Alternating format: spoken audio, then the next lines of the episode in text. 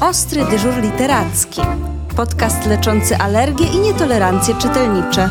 Prowadzi Agnieszka Karpszymańska. Dzień dobry. Witam bardzo serdecznie młodszych i starszych słuchaczy naszego podcastu. Cieszymy się z Waszych maili. Zadajecie coraz bardziej interesujące i czasami bardzo trudne pytania. Dziś pomoże mi odpowiadać na nie osoba, którą na pewno doskonale znacie. Jest ze mną pani Barbara Gawryluk, autorka, tłumaczka i promotorka literatury dla dzieci. Muszę Wam zdradzić, że kiedyś, gdy powiedziałam pani Basi, że jest przyjaciółką książek dla dzieci, powiedziała, że przede wszystkim jest przyjaciółką dzieci. I to bardzo dobrze się składa, bo dziś będziemy rozmawiać o dzieciach, o dzieciństwie, o książkach dla dzieci i o książkach, w których dzieci są bohaterami. Pani Basiu, jak to jest? Czy dzieci lubią czytać książki o dzieciach? Ja nawet powiem pani, to było co prawda bardzo, bardzo dawno temu, ale zdaniem bibliotekarki, biblioteki takiej malutkiej biblioteki w Nowej Hucie, do której po raz pierwszy zapisała mnie moja mama, to ja stworzyłam nawet taki gatunek książki o dzieciach, bo ja właśnie takie książki najbardziej lubiłam czytać. I przychodziłam do biblioteki i właśnie prosiłam, czy są jakieś książki o dzieciach. Rozróżniałam w ten sposób książki o dzieciach i książki o zwierzętach, bo to był drugi gatunek, który wypożyczałam. Natomiast zdecydowanie ta fascynacja wzięła się od dzieci z Bullerbyn. To była taka pierwsza, bardzo ważna książka, którą przeczytałam samodzielnie. I gruba książka, którą przeczytałam samodzielnie. I szukałam cały czas tego klimatu, takich bohaterów, takich dzieci, które z jednej strony były podobne do mnie, a z drugiej strony właśnie nie. Właśnie mieszkały gdzieś w jakimś zupełnie innym środowisku i przeżywały takie przygody, które my potem na podwórku naśladowaliśmy. I jak zapytacie swoich rodziców albo swoich dziadków, czy mieli jakieś takie zabawy, które czerpali z książek, to na pewno wśród tych zabaw znajdzie się zabawa znana z dzieci z Bullerbyn, przesyłanie listów na sznurku z okna do okna. I ja to oczywiście też z moją koleżanką z podwórka robiłam. Więc ten gatunek książka o dzieciach zdecydowanie istnieje. Czyli taka książka, w której albo młodsze, albo starsze dzieci mogą się identyfikować z bohaterami, przeżywać podobne historie, martwić się o podobne sprawy, cieszyć się z podobnych sukcesów, wyczekiwać wakacji i na tych wakacjach mieć szalone przygody, wyczekiwać początku roku szkolnego, proszę zauważyć, ile jest książek dla dzieci, które od tego się zaczynają. Od nowego roku szkolnego przychodzi nowa dziewczynka do klasy, zjawia się nowy nauczyciel, jesteśmy już rok starsi i już będziemy mogli inne rzeczy robić niż rok, rok temu. Bardzo wiele książek właśnie ma taki początek. Albo właśnie są to książki wakacyjne, gdzie kompletnie zmieniamy środowisko i ktoś na przykład, nie wiem, jakieś miejskie dziecko trafia na jakąś wioskę i tam ma zupełnie nowych przyjaciół i e, odkrywa jakieś tajemnice albo śledzi jakąś osobę dziwną z, z e, otoczenia. Taki trochę to jest taki nawet powiedziałabym schemat, no taki, taki wzór, według którego kolejni autorzy dziesięciolecie po dziesięcioleciu piszą książki. I książki, które myśmy mieli jako dzieci, właściwie są bardzo podobne do tych książek, które czytają teraz dzieci, no tylko czasy są inne. No właśnie ja chciałam na to zwrócić mm. uwagę, bo przecież e, Dzieci z Bullerben, które Pani wspomniała, tak. to nie jest nowa książka. I okazuje się, że ona jest wciąż aktualna. Co więcej, to jest lektura. I to jest lektura, która bywa podawana jako ulubiona książka dzieci ciągle. To jest zaskakująca znaczy, sytuacja. Jeżeli chodzi o dzieci z Bullerbyn, to to jest fenomen. Znaczy, to jest fenomen na skalę światową i czasową, że ta książka się nie zestarzała, bo jednak większość książek, które czytaliśmy my, czyli mówię dzisiejsi dziadkowie w dzieciństwie, no to się zestarzała. I one się rzeczywiście, no, nie wiem, od razu mi przychodzą do głowy książki Adama Bachdaja, czy książki Hanny Orzegowskiej, czy książki Edmunda Niziurskiego, właśnie przygodowe, właśnie o dzieciach, o szkole, o podwórku, o wakacjach, no jakoś nie bardzo dzisiaj y, pasują tym młodszym nastolatkom albo tym dzieciom, które są rozczytane i lubią takie grube książki przygodowe. A co stanowi o tym, że dzieci z Bullerbyn są właściwie międzypokoleniowe, ponadczasowe, nie no. starzeją się absolutnie i ciągle się podobają? To jest temat na pracę magisterską, o ile nie na doktorat. Y, trudno na to odpowiedzieć. Wydaje mi się, że mimo, że Astrid Lindgren osadziła tę przygodę w konkretnej wiosce, prawda, i w konkretnym miejscu, to udało jej się z tego konkretnego miejsca, które przecież można zobaczyć, można tam pojechać na wycieczkę do Szwecji i zobaczyć te trzy domki, to i ona większość przygód z tych dzieci wzięła ze swojego dzieciństwa. To są przecież historie z jej dzieciństwa, i jej rodzeństwa, i jej koleżanek szkolnych. To udało jej się zrobić uniwersalną opowieść. Udało jej się opowiedzieć takie przygody i takie też nie tylko przygody, ale też takie doświadczenia tego wieku dziecięcego, czyli tych pierwszych lat szkolnych, które są takie same wszędzie, bez względu na miejsce i bez względu na czas. A więc na przykład pojawienie się młodszego rodzeństwa, na przykład, no, życie blisko starszego pokolenia, czyli ten dziadziuś, który jest w, w książce Astrid Lindgren, jest przecież w życiu wielu dzieci. To, że jest to bezpieczne, zamknięte, jakby małe społeczeństwo. To, to my za tym po prostu bardzo tęskniemy również no. dzisiaj. Ja często pytam dzieci, co wam się podoba w dzieciach z Bullerby, bo samo mnie to zaskakuje. Wydaje, wydawałoby się, że to staroci, że to w ogóle jest nienowoczesne i te dzieci biegające na bosaka, prawda, i wędrujące na piechotę e, ileś tam kilometrów ze szkoły e, do domu. No im się e, podoba klimat tej beztroski właśnie. Myślę, że ta beztroska, to, że, e, że te dzieci mają też dużo wolności, takiej swobody, mimo że w domu jest dyscyplina. Aha, to, to, to, to im się chyba właśnie podoba. Ja pamiętam, że mnie się przede wszystkim podobały te zabawy, które oni w sobie razem planowali, urządzali. I właśnie chyba e, no, na tej wolności ta, ta uniwersalność tej książki polega. Nie, zwróćmy uwagę, że do tych zabaw niepotrzebne były nowe technologie. No wystarczył sznurek właśnie, trochę gałęzi, jakieś patyki, trochę wody, no, w zależności od pory roku czy też właśnie dużo śniegu, którego nam teraz raczej brakuje i ciężko jest się w ten sposób bawić na wolnym no, powietrzu. Swobody też nam trochę brakuje. I swobody zdecydowanie. No ja jestem z wielkiego miasta, ale bardzo dużo też rozmawiam z rodzinami, które mieszkają na wsi i też opowiadają mi o tym, że to wiejskie życie też zupełnie w tej chwili inaczej y, wygląda i tej swobody, którą, której zazdrościmy dzieciom mieszkającym na wsi, wcale tak wiele nie ma. Hmm. Chyba wszystkim nam się wydaje, że tam, mm. gdzie nas nie ma, jest odrobinę tak. lepiej. A to dzieciństwo też chyba też troszkę postrzegamy przez taki pryzmat naszej, naszych wspomnień, a odrobinę wyobraźni. Zdecydowanie. E, natomiast nawiązując do dzieci z Bullerbyn, bo ja oczywiście przygotowałam dzisiaj parę książek, żeby trochę e, o tym opowiedzieć, to jest taka jedna książka, którą ja napisałam e, no, już dobrych parę lat temu i pamiętam jak na chyba pierwszych targach książki podsłuchiwałam, jak reklamuje ją pani z wydawnictwa i ona mówiła, to są takie polskie dzieci z Bullerbyn. E, byłam tym bardzo zaszczycona, chociaż absolutnie nie, tak e, nie, nie śmiała sama powiedzieć. Książka ma tytuł W Zielonej Dolinie i jest właśnie opowieścią o takiej gromadce dzieci spędzającej czas, no tutaj są wakacje po prostu, w wiosce, która naprawdę istnieje. Ja ją nazwałam Górki w mojej książce. Nie chciałam, żeby wszyscy pojechali tam do tej wioski, chcieli spędzić takie cudowne wakacje, ale jest to maleńka wioska zagubiona w Beskidzie Niskim, gdzie właśnie życie płynie zupełnie w innym tempie i gdzie dzieci mniej więcej tak samo jak w dzieciach z Bullerbyn spędzają przede wszystkim czas na zewnątrz, goniąc po okolicznych łąkach, lasach i bawiąc się nad potokiem. I, i takie miejsca y, oczywiście można, ja mówię, tę książkę napisałam jakieś 10 lat temu, ale ja wiem, że to życie dalej tam tak y, płynie i że dalej ludzie je, jeżdżąc tam na wakacje, to właśnie odnajdują, więc takie miejsca są, tylko trzeba ich trochę poszukać. To, czym Pani mówi, właściwie chyba potwierdza moją tezę, że y, dzieci właściwie nie bardzo się zmieniły i ich potrzeby. E, oczekiwania, marzenia. Dzieciństwo się chyba zmieniło na przestrzeni lat.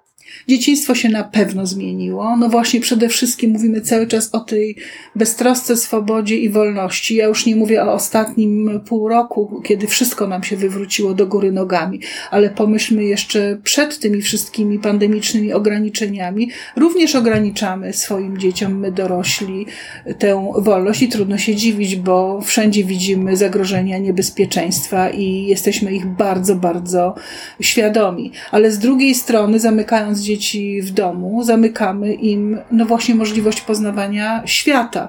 To, że myśmy spędzali czas na podwórku i że wracało się do domu po prostu wieczorem, kiedy mama wychylała się przez okno i wołała na kolację, to jedno, a tych podwórek właściwie już w tej chwili też, mówię o mieście w tej chwili, Tak. prawda, za bardzo nie ma. I trochę strach, no jak wypuścić dziecko, y, nie bardzo wiemy, jak to, jak to zrobić.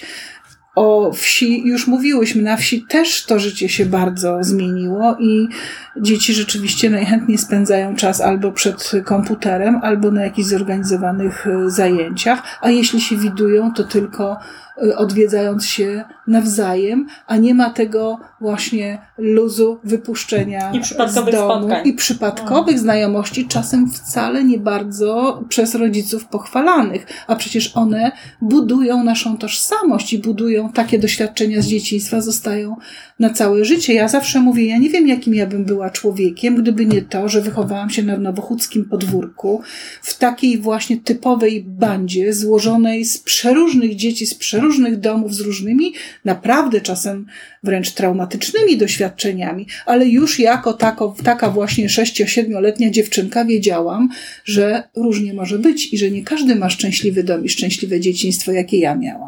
No, no właśnie. A współczesne dzieci chyba częściej czytają o takich sytuacjach w książkach i może dlatego te historie o innych dzieciach są dla, tak dla nich fascynujące. Widzę, że ma Pani potężną kubkę przed sobą. Tak, mam potężną kubkę o dzieciach e, z Zielonej Doliny, już mówiłam, bo to jest taka książka, która troszkę uległa zapomnieniu, a ja ją bardzo, bardzo lubię. E, Mam zarówno z e, książki swoje, jak i książki tłumaczone. Chciałam wspomnieć o małych bohaterach, gdzie e, e, ta książka wiem, że też trafia na listy lektur w drugiej i w trzeciej klasie, gdzie są również prawdziwe historie dziejące się i to właśnie bardzo dziwne, najczęściej w maleńkich miejscowościach, gdzie dzieci potrafią właśnie wyskoczyć z tych m, takich ustalonych y, przez rodziców zasad, a to się okazuje być zbawienne, kiedy trzeba ruszyć z pomocą. Bo to są Mhm. prawdziwe historie dzieci, które uratowały innym życie, wykonując telefon y, na numer ratunkowy 112, ale to często był nie tylko ten telefon, ale również bardzo, bardzo odpowiedzialne zachowanie. Więc jeśli szukacie takich książek opartych na prawdziwych historiach, to właśnie Mali Bohaterowie, y, to na pewno jest taka książka niewyczerpaną y, studnią, niewyczerpanym źródłem takich książek jest literatura szwedzka dla dzieci. Oni są mistrzami. A zarówno ci klasycy, tacy właśnie jak y, Astrid Lindgren, ale y, bardzo wielu też współczesnych szwedzkich autorów pisze właśnie takie książki, jak to nazwałyśmy na początku, o dzieciach. I można do każdego wieku dopasować i znaleźć książkę, która będzie opowiadała o zarówno takim beztroskim właśnie życiu, gdzie, nie wiem, problemem staje się, nie wiem, inny, y, inny kolor wstążki niż ta, którą mama założyła na włosy, ale są również bardzo poważne y, problemy. I y, można znaleźć bo oczywiście, że Szwedzi są specjalistami w opisywaniu trudnych problemów, ale piszą też książki pogodne, wesołe i zwariowane, więc gdzie potrafią to wszystko połączyć. Ja powiem o kilku tytułach, o kilku seriach właściwie. Seria z chłopcem, który ma na imię Caciki, autorki, która nazywa się Moni Nilsson. To jest seria przeze mnie tłumaczona, ukazująca się w wydawnictwie Zakamarki. Ukazało się sześć tomów, jeszcze jest jeden y, w przygotowaniu. I to jest taka seria, która trochę pokazuje nam też życie szwedzkich dzieci i życie takiego chłopca, który ma ciągle jakieś ze sobą y, problemy i ciągle wydaje mu się, że jest trochę gorszy niż y, inni i pokonuje te wszystkie kłopoty. To jest bardzo odważny, fajny chłopiec i znowu zaczynamy od pierwszego dnia w szkole. To, to jest bardzo ciekawe, że to, że- to również y, jest punkt wyjścia i potem poznajemy Cacikiego po kolei w, co, jak, jak dorasta. Pierwszy tom nosi tytuł i dobrze jest zacząć od niego, Caciki i Mamuśka, dlatego że tu poznajemy całą historię, to znaczy dlaczego on tak ma na imię, prawda, i dlaczego ta mamuśka jest zwariowana i jaką on ma e, przeszłość, jaką ona ma przeszłość, no i potem właśnie te wszystkie szkolne, ale nie tylko szkolne, bo również wakacyjne właśnie przygody tego chłopca. Świetna seria. Powiedziałabym seria, która też jest dosyć odważna, to znaczy są tutaj poruszane często trudne tematy. To prawda, a mama nie jest stereotypową mamą Mama robiącą absolutnie kotlety. nie jest stereotyp. Tak, mama jest, y, y, gra na gitarze basowej w rockowym zespole, jest wokalistką, robi karierę, a ta kariera ma różne zakręty, nie zawsze się dobrze jej powodzi, więc Caciki też prze- przejmuje się losem swojej mamy. Druga taka seria, tym razem z dziewczynką w głównej roli, to jest seria o Hedwidze, Fridy Nilsson. To nazwisko Nilsson się w Szwecji bardzo dużo powtarza wśród, wśród autorów piszących na, dla dzieci. Ktoś mnie kiedyś nawet zapytał, czy oni wszyscy nazywają się Nilsson. No więc nie wszyscy, ale to jest Frida e, Nilsson i to jest również seria przeze mnie tłumaczona, która ukazuje się w wydawnictwie Dwie Siostry. Są cztery tomy i koniec. Ona skończyła na tym czwartym tomie. Czwarty tom właśnie teraz ma premierę, ma tytuł Hedwiga i Księżniczka z Hardamo.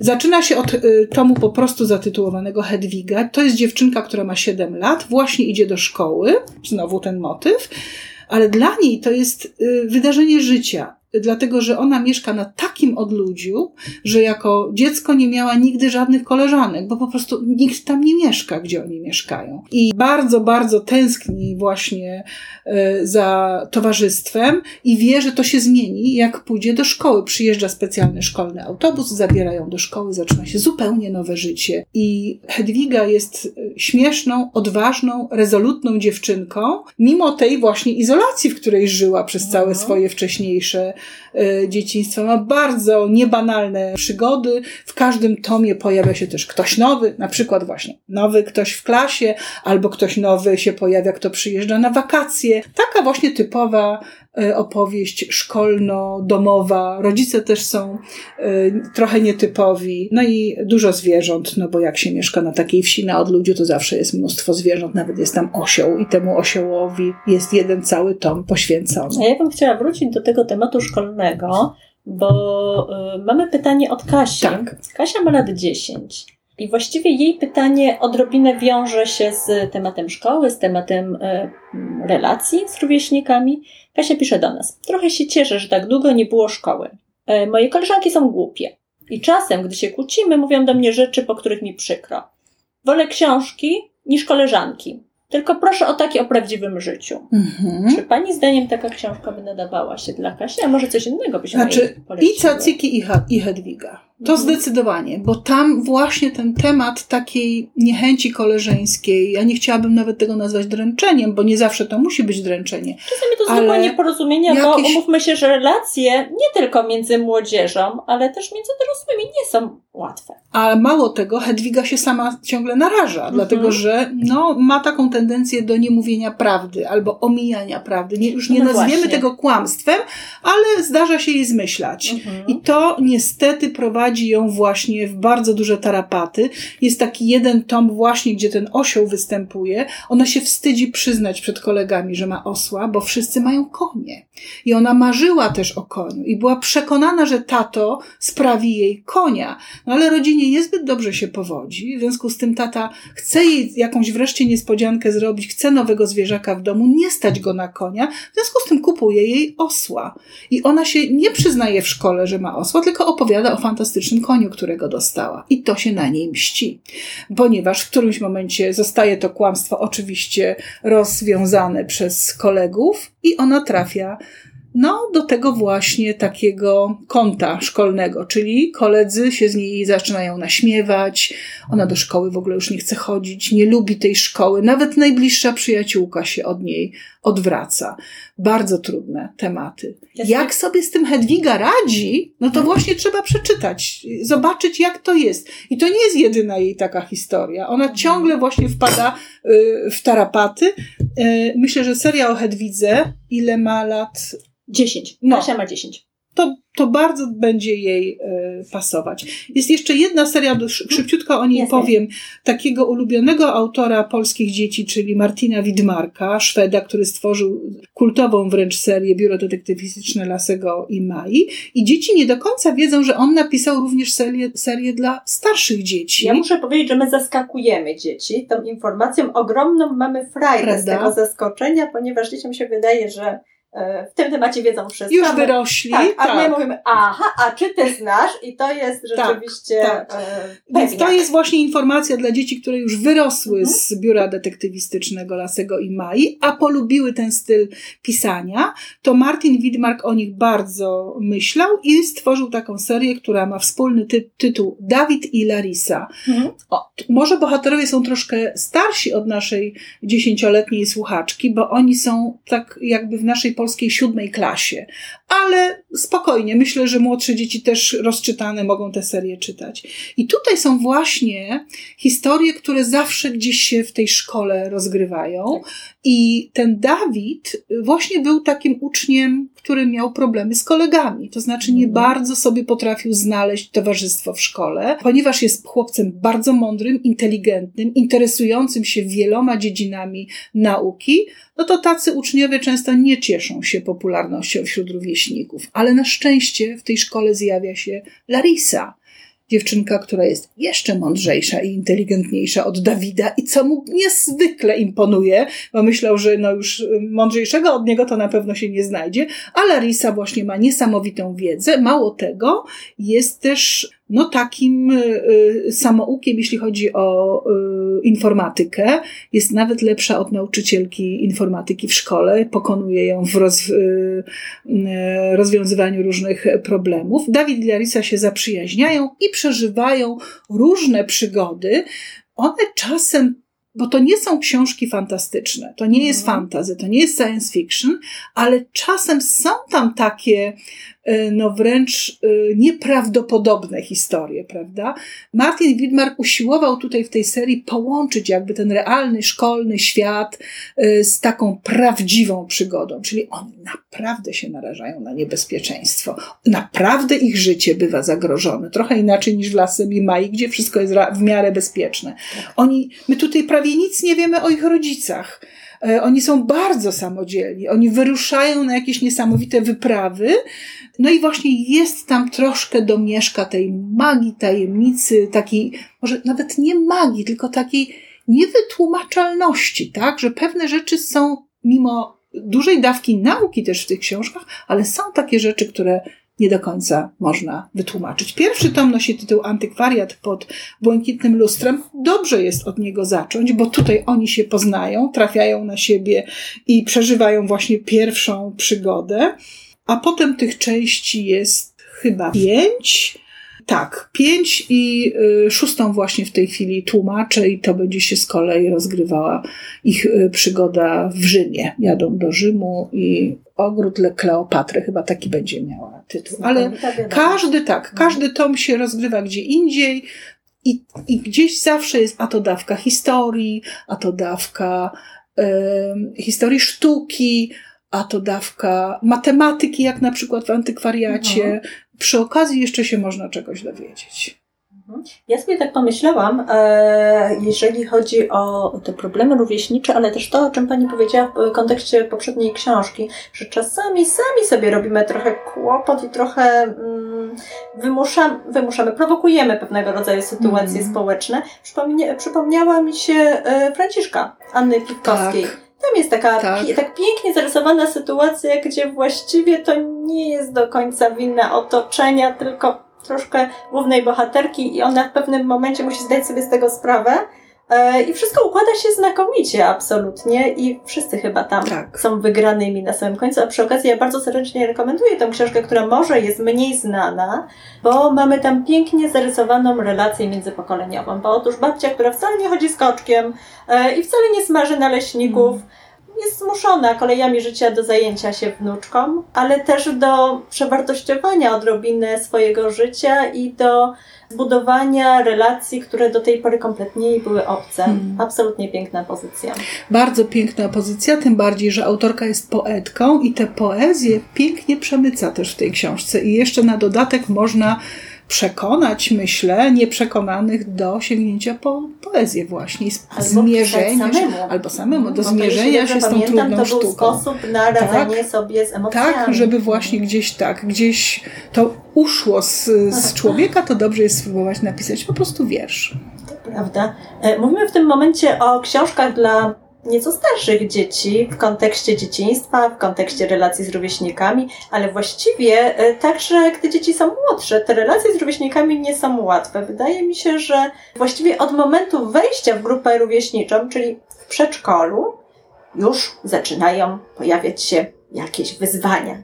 Czy możemy Oj, coś rekomendować dla Zdecydowanie, przedszkolnych? zdecydowanie. Te, te, te dzieci przedszkolne mają, e, no otwiera im się cały świat rówieśniczy, prawda? Często dzieci są bez doświadczeń żłobkowych i po raz pierwszy w ogóle trafiają do grupy, bardzo to przeżywają.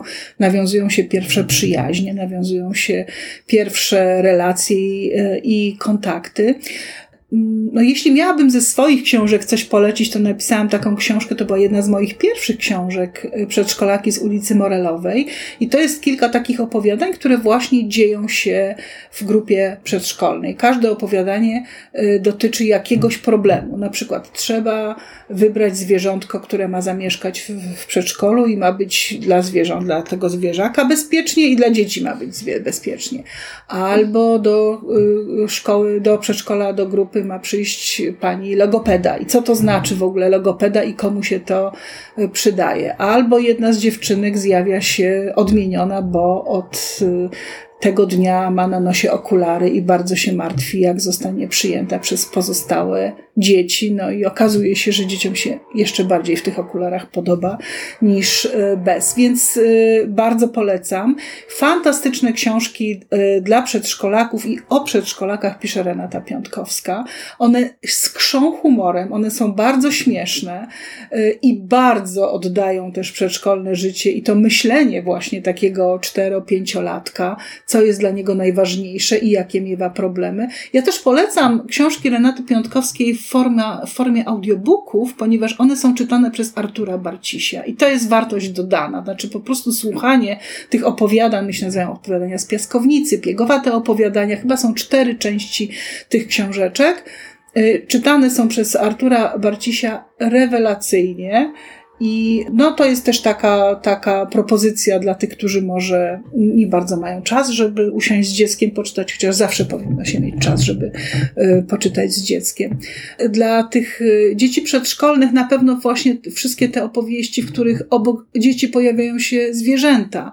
To też jest y, dobra, y, dobra propozycja, bo Mm, tak jak to wiadomo, no dzieci się po prostu identyfikują też ze zwierzęcymi bohaterami. Ja na przykład teraz spędzam każdy prawie wieczór, kiedy opiekuję się moją trzyletnią wnuczką, która jest właśnie początkującym przedszkolakiem, e, z książeczkami, w których właśnie e, występuje ten motyw zwierzęcy, ale można go przełożyć na życie takiego małego przedszkolaka. Ostatnio przede wszystkim czytamy przygody świstaka gwizdka, który, no właśnie, to są przygody zwierzątka, ale zdecydowanie to są takie przygody, które mogą zdarzać się też małemu e, przedszkolakowi, więc też warto w tym kierunku Chyba poszukać. zdecydowanie łatwiej czasami rozmawiać o tematach być może trudnych, właśnie na przykładach zwierząt. Tak, zdecydowanie. Bo jeżeli taki mały, tak, jeżeli taki mały świstak nie chce iść spać, prawda, i wymyśla wszystko, żeby tylko nie wejść do tej norki i nie ułożyć się koło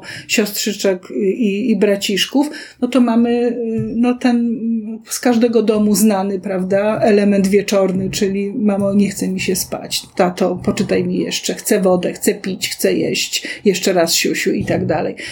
Można pokazać, jak sobie z tym radzi mama małego świstaka. No właśnie. E, Myślę, że warto pamiętać, że mały człowiek, nawet ten trzyletni, ma swoje własne problemy, swój własny świat i swoje własne wyzwania każdego dnia. Mam nadzieję, że książki chociaż trochę pomogą. Życzymy Wam cudownego dzieciństwa, tak beztroskiego, jak wyobrażają sobie dorośli, ale też pasjonującego, pełnego przygód. Na wypadek, gdyby jednak tych przygód było nieco za mało, zawsze są książki. Dziękuję ślicznie. Dziękuję bardzo.